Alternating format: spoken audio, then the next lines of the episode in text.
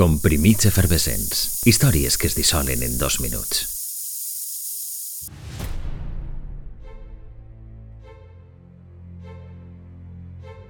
Foren només 10 dies, però les conseqüències serien terribles. Continua considerant-se un dels episodis de contaminació radiològica en instal·lacions sanitàries més greus registrats a tot el món.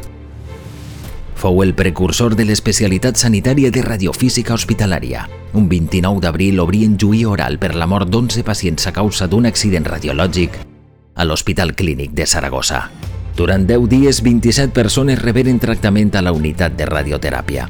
És el lapse de temps que va transcórrer des que tornaren a posar en marxa l'aparell radiològic després d'una reparació fins que el Consell de Seguretat Nuclear detectà problemes en el seu funcionament. La negligència del tècnic de General Electric, fabricant del dispositiu, va causar que l'aparell funcionara en tot moment a la seva màxima potència, independentment de la intensitat que seleccionara el personal hospitalari. Als pocs dies, la majoria de pacients havien rebut sis voltes més radiació que la que prescrivia el seu tractament. Moriren en qüestió de setmanes. Finalment, el jutge consideraria culpables el tècnic que dugué a terme la reparació i subsidiàriament General Electric, que hauria d'indemnitzar les famílies afectades amb vora 2 milions i mig d'euros.